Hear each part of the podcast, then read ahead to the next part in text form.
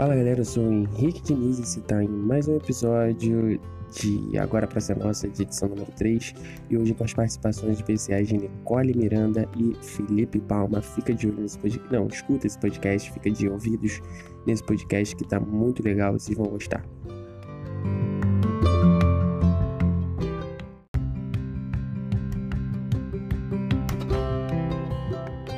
E aí, meu filho? Fala tu, viado. Tudo bom, mano? Tudo bom, mano? Que isso? Isso é o futuro, responde pra ela. É o futuro. ok. E aí, mano? Fala comigo, o que tu queria falar sobre a viagem? Tava conversando com o Charlie ontem sobre isso. E aí? Ele falou que Portugal tá fechado pros brasileiros, é verdade? É, mano. du- Durante um tempo vai ficar fechada porque o Brasil no momento não tá sendo bom visto pelos outros países, tá ligado? E aí o brasileiro tá sendo barrado em muito lugar.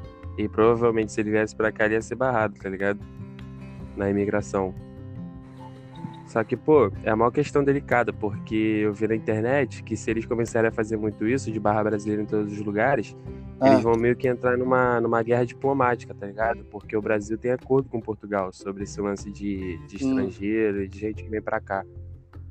Então tem que esperar só um pouco, né, mano? Tem que ver também. Não ia valer a pena se o moleque chegasse aqui e fosse barrado, tá ligado?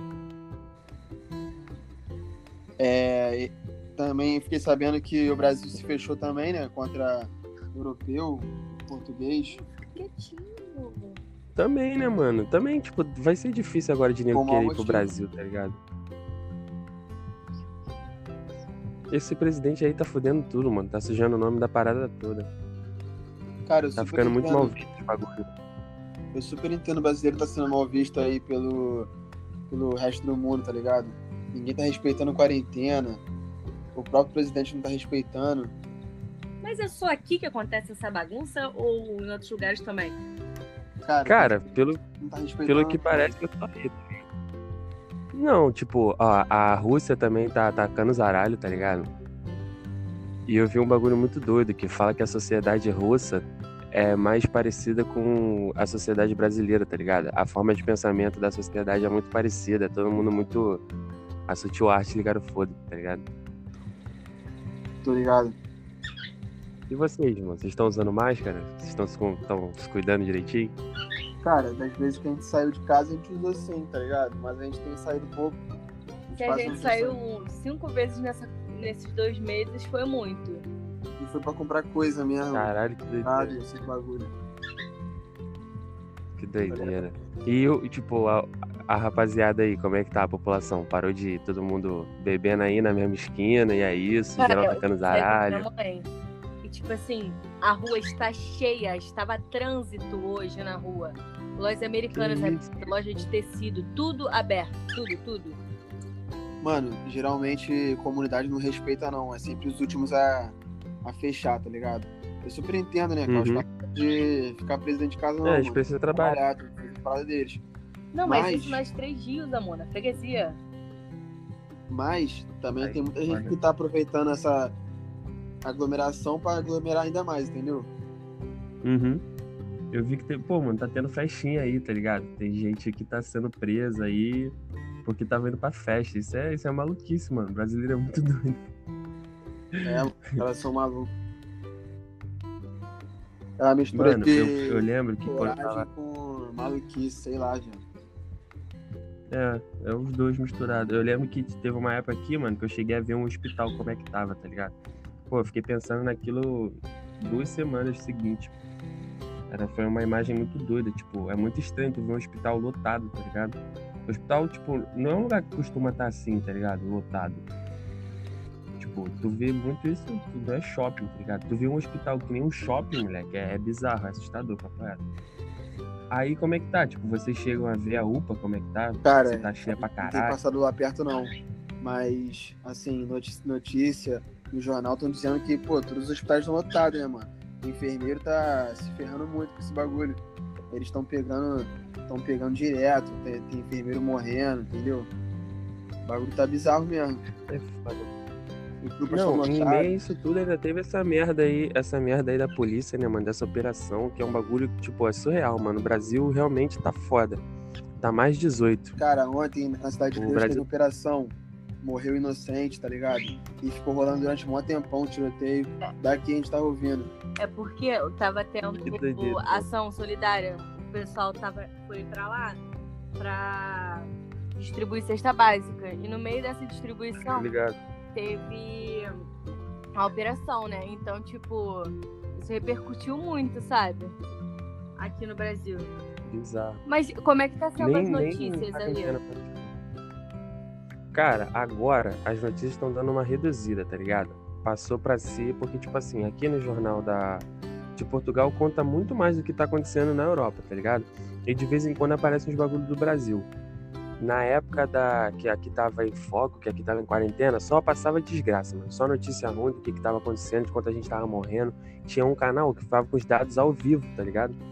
De quanto a gente tava morrendo, quando a gente tava infectado, as regiões mais infectadas Caraca, e mano. tal. Aí agora tá dando uma reduzida, tipo, eles estão falando mais das fronteiras que estão abrindo, é, informações sobre outros países. E é óbvio que às vezes aparece um bagulho do Brasil que, pô, é. Moleque, e os caras esculacham muito, tu não tem noção, viado.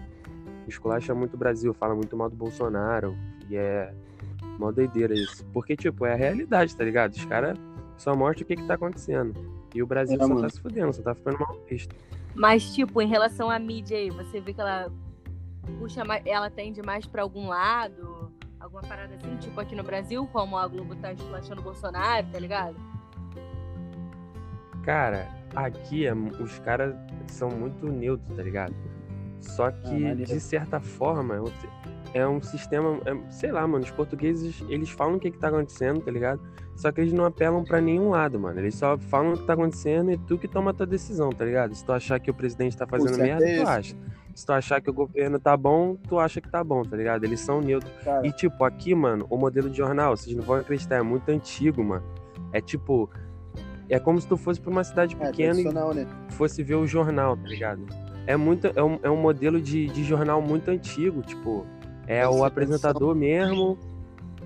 E, tipo, é nego com microfone na rua, tá ligado? Fazendo as matérias como se fosse jornalzinho de cidade pequena, tá ligado? Aham. Cara, mas o E, certo, tipo, só gente velha. mas assim, eu acho que o maneiro mó mesmo é o jornal imparcial, tá ligado? O neutro mesmo. Eles não tem que ficar, tipo, É, de opinião certa, de certa forma eles são imparciais. Cara, mas- que De tá certa forma, eles acontecendo. Sabe o que eu acho também? Que, tipo assim, aqui a política gera muito dinheiro, sabe? Por exemplo, se você apoiar um partido ou se você fizer tal propaganda, você acaba ganhando um. ganhando dinheiro deles, sabe? Entendeu? Tipo, Uhum. aqui a, essa política da. Porque querendo ou não, isso é ser corrupto, sabe? Essa política da corrupção é muito. Lá não deve ser tanto assim, sabe? Lá deve ter mais, tipo, dinheiro para as pessoas fazerem o- seu real trabalho, sabe? Sem pre- precisar se corromper, entendeu? Tô ligado. Mó doideira, mano. A gente, pô, eu queria saber, eu tava perguntando isso pra, pra todo mundo que eu tinha chance de perguntar pra ter esse tipo de resposta. Eu quero muito ver a da Nicole.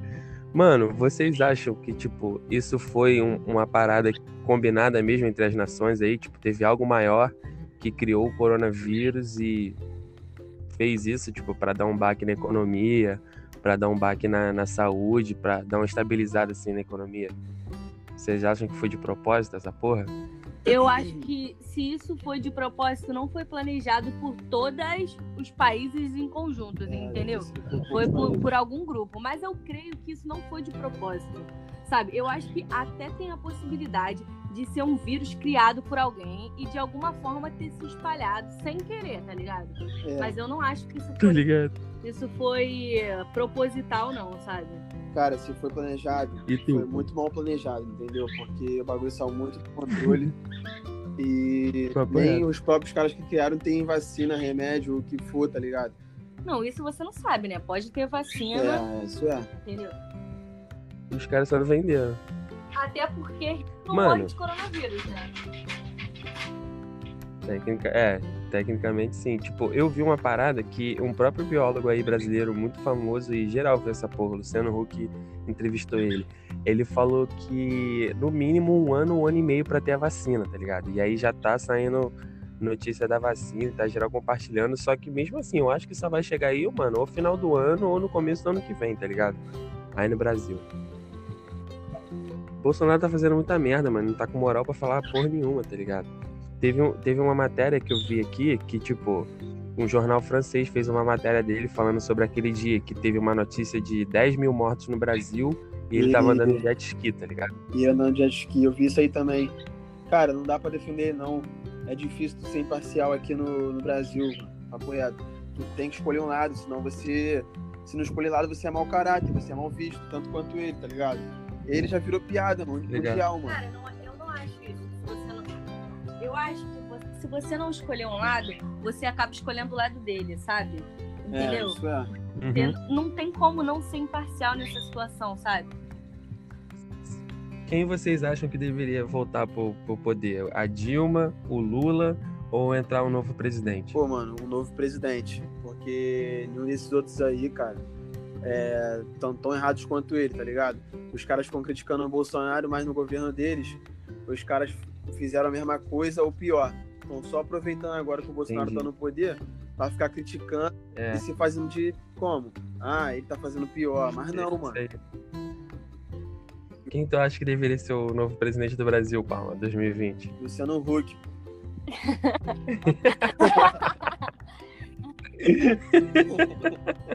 Cara, mas eu que acho loucura, que até uma, uma pessoa assim pública ela não seria presidente, porque é tanta, tanta sujeira que rola é, mano. no Brasil. Um, cara, um youtuber hoje em dia ganha mais que um presidente do Brasil, tá ligado? Política é uma parada que envolve muita, muita sujeira, mano. É muita corrupção, tá ligado? Tipo. Ninguém ia trocar essas porra pra, pra ficar na presidência do Brasil, tá ligado? Olha, olha o trabalho que essa pessoa ia ter, tá ligado?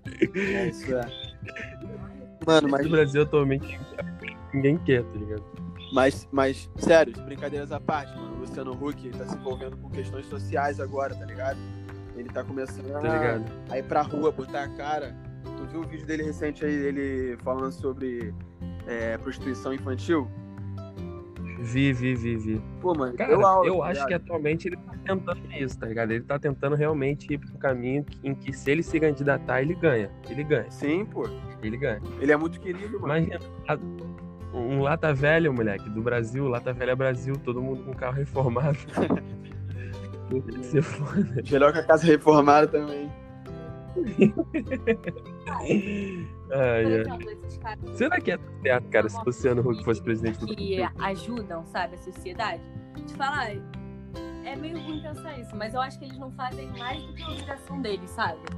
Tipo, se eles não fizerem, quem vai fazer, tá ligado? Eles têm muito. Exatamente. Tá sobrando, sabe? Tipo assim, ah, ok, ele poderia não fazer. Poderia. Mas, cara, é, em outros países, os mais ricos ajudam os mais pobres sem falar porra nenhuma. E isso é, é necessário para continuar o sistema, entendeu? Para continuar o capitalismo rolando. Exatamente. Sabe?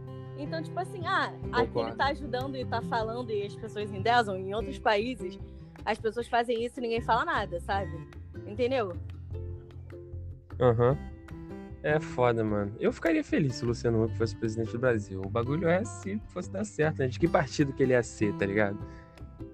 Em que, em que partido ele ia chegar e ia se apoiar ele, tá ligado? Porque geral ia querer se apoiar ao, ao Luciano Huck. Sabe o que seria genial? Tipo assim, ele não ter partido, tá ligado? Tipo o Tiririca. Caralho. Sabe? É, tá ligado? Partido. Você falar que você Caralho, tem um partido mesmo. já é você se posicionar de alguma forma. Se você falar assim, é eu quero aí, entrar é nessa porra, mas eu não tenho partido, acabou, é isso, sabe? Eu e eu. Exatamente. Ia ser bom, ia ser bom mesmo. Ia ser bom. E tu, Henrique, tu queria quem pra... Caralho, imagina. Pô, pra presidente do Brasil atualmente, cara. Tu queria que voltasse alguém? Acho que Cara, te falar, eu daria mais uma chance pro Lula, tá ligado? Tu acha que ele mudou? Depois de tudo que ele passou. Esse tempinho preso. Depois de tudo que ele passou. Oi? Tu acha que esse tempinho preso aí ele mudou de pessoa? Mudou como pessoa? Acho que sim, né, mano? Ele, ele percebeu que, tipo. por mais que ele tenha feito, tipo, entre aspas, as merdas, as merdas que ele fez, tá ligado? Dava para sentir quando ele era presidente que ele se importava, tá ligado? Com a nação brasileira, de certa forma. Mesmo que ele, tipo, não fosse o presidente perfeito, tá ligado? Pô, ele fez coisa pra caralho, tá ligado? Ele fez coisa durante o governo dele. Poucas coisas? Poucas coisas, mas já fez, tá ligado? Já é válido. Mas, já é válido. Tipo assim, por exemplo, o Brasil, ele veio de uma situação muito ruim antes do PT. Então, uhum. é como se é, não pode, não podia piorar, entendeu? Então, é, ele pegou uma e ele situação... fez o mínimo, né? Sim, ele fez o mínimo. Não que eu seja anti-PT os caralho. Mas, por exemplo, a pessoa que entrar depois dessa situação do Bolsonaro, com certeza vai melhorar, entendeu? Porque não, porque não Pô, tem lógico. como piorar, sabe? Entendeu? Tá ligado? a concordo, gente tá concordo. nessa situação, sabe? Até... País, tô fudido. Uma doideira, cara. É foda, é foda. Cara, eu fico imaginando, a, a, tipo assim, se muita gente vai querer sair daí, tá ligado? Ou se muita gente vai querer continuar aí, porque, tipo, agora, infelizmente, é um momento que não dá para sair do país, tá ligado? Mas eu tenho certeza que todo mundo, tipo, pegou um exemplo agora de, de ver, tá ligado? E as pessoas estão vendo cada vez mais que, tipo, dá pra tu sair do teu país e continuar uma vida, tá ligado? Sim. Cara, sim, mas sim. eu acho que as pessoas que estão vendo isso são pessoas que já tinham a oportunidade de ver isso, sabe? Que antes dessa pandemia toda, elas já tinham se ligado nessa situação, entendeu? As pessoas que uhum. realmente podem sair, sabe? As pessoas, tipo. E, mano. Sim, antes da pandemia mesmo. Sim, as pessoas de, de classe baixa, de renda baixa, elas vai piorar completamente a vida delas, sabe? Já piorou. E, e eu não falo e eu não falo só para Portugal, não. Tipo, Itália, Espanha, é, França, são países que dá pra ir de boa, mano. Irlanda, cara, Irlanda tem muito brasileiro, tá ligado? E quase ninguém fala disso. E dá pra ir suave, mano. Dá pra ir suave. Tem bairro lá que a maioria é brasileira, tá ligado? Por que vocês acham Só que, que é na Irlanda. tem muita gente, assim, em vários países fora Cara, tem brasileiro no mundo todo, a verdade é essa. Vocês acham que é, é pelo nosso jeito ou porque o país é uma merda mesmo? Cara, é porque a gente se adapta, a gente é acostumado, a gente é acostumado ao pior, tá ligado? E aí, qualquer lugar que a gente vai, a gente se adapta, porque as condições são justas, tá ligado? Aí a gente vê, pô, eu posso sofrer um mês, mas mês que vem eu vou estar tá voando, tá ligado?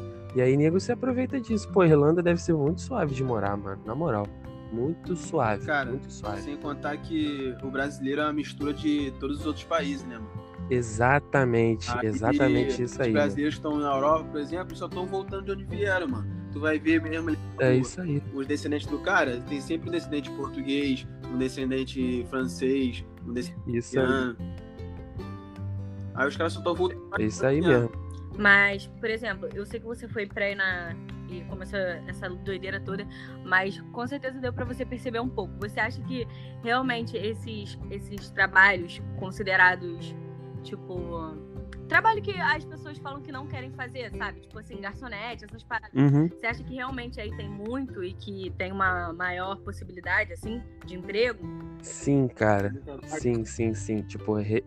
restaurante, com certeza, mano. Se tu vier, tipo, tu vem pra cá, menos de um mês, se tu quiser, tu arruma emprego em restaurante. De verdade. Mas... Tipo, antes de entrar no que eu trabalhava, eu falei com. Eu tive outras propostas, tá ligado? Eu, eu, tipo, eu que pude escolher esse que eu queria, tá ligado? No mínimo pra entrevista eles vão te chamar, mano. No mínimo. Mas no em mínimo. condições dignas. Agora, se tu vai ficar no lugar. É, pô, qual é, cara? Eu ia ganhar 775. 775, o mínimo é 600. Eu já ganhei, tipo, assim, um pouco acima do salário mínimo, tá ligado? E aí são Em condições boas, duas folgas por semana. Oi? E aí são oito horas de trabalho? Não escutei de novo. Fala de novo, mamãe. E aí são oito horas de trabalho?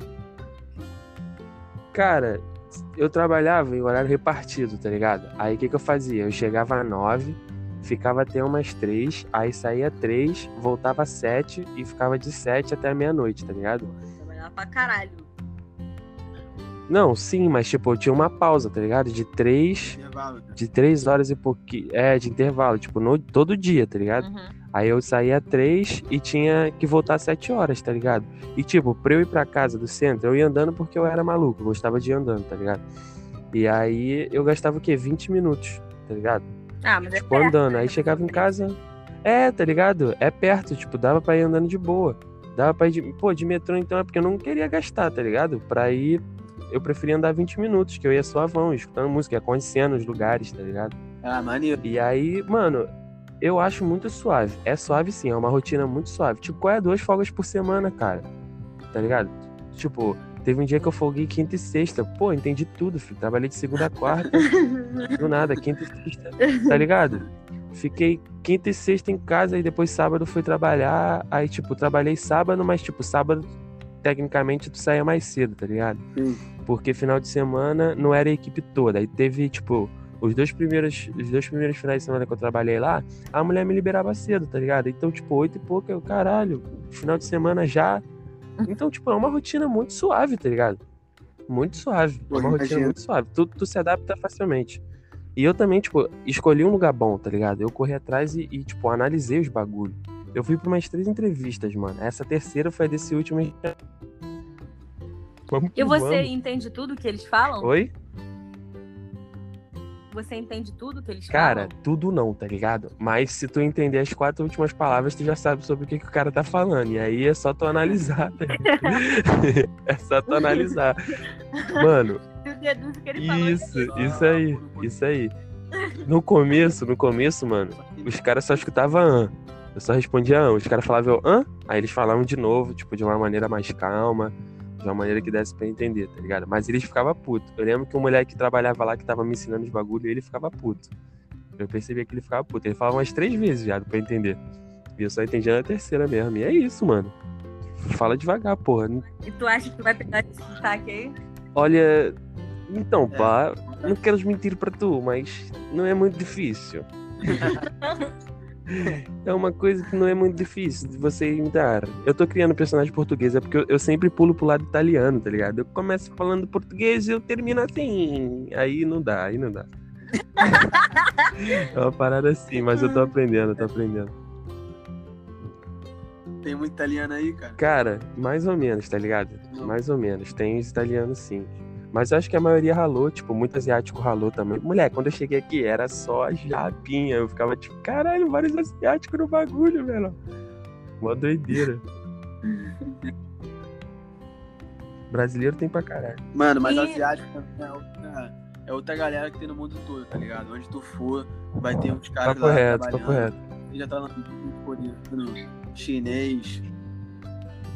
Cara, mas eu acho que qualquer, qualquer nacionalidade vai ter em qualquer lugar do mundo, mas esse pessoal aí do, do olho puxado é mais Esse fácil tu pessoal aí do né? olho puxado. essa, ga- essa galera é asiático, pô. Essa galera aí. Ai, É muito bom, gente. Mas, tipo assim, agora que, que acabou a quarentena aí, né? Tipo, você acha que o, o país tá se reerguendo bem? Cara, tá, tá fluindo, tá fluindo, tá fluindo. Não vou mentir pra tu não, tá fluindo. É só dar tempo ao tempo, tá ligado? Que bom, mano. Tem, cara, muito país que tá se reerguendo depois dessa pandemia. Ou que nem passou pela pandemia, tá ligado? Teve.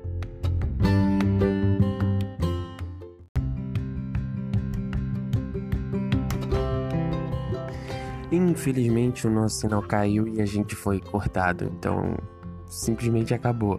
É, mas se você gostou, espero que você curta, compartilha e comenta lá no Instagram também. E muito obrigado a todos vocês que assistiram, que ouviram, tem que me acostumar ainda, a todos vocês que ouviram esse podcast. Muito obrigado e voltem sempre.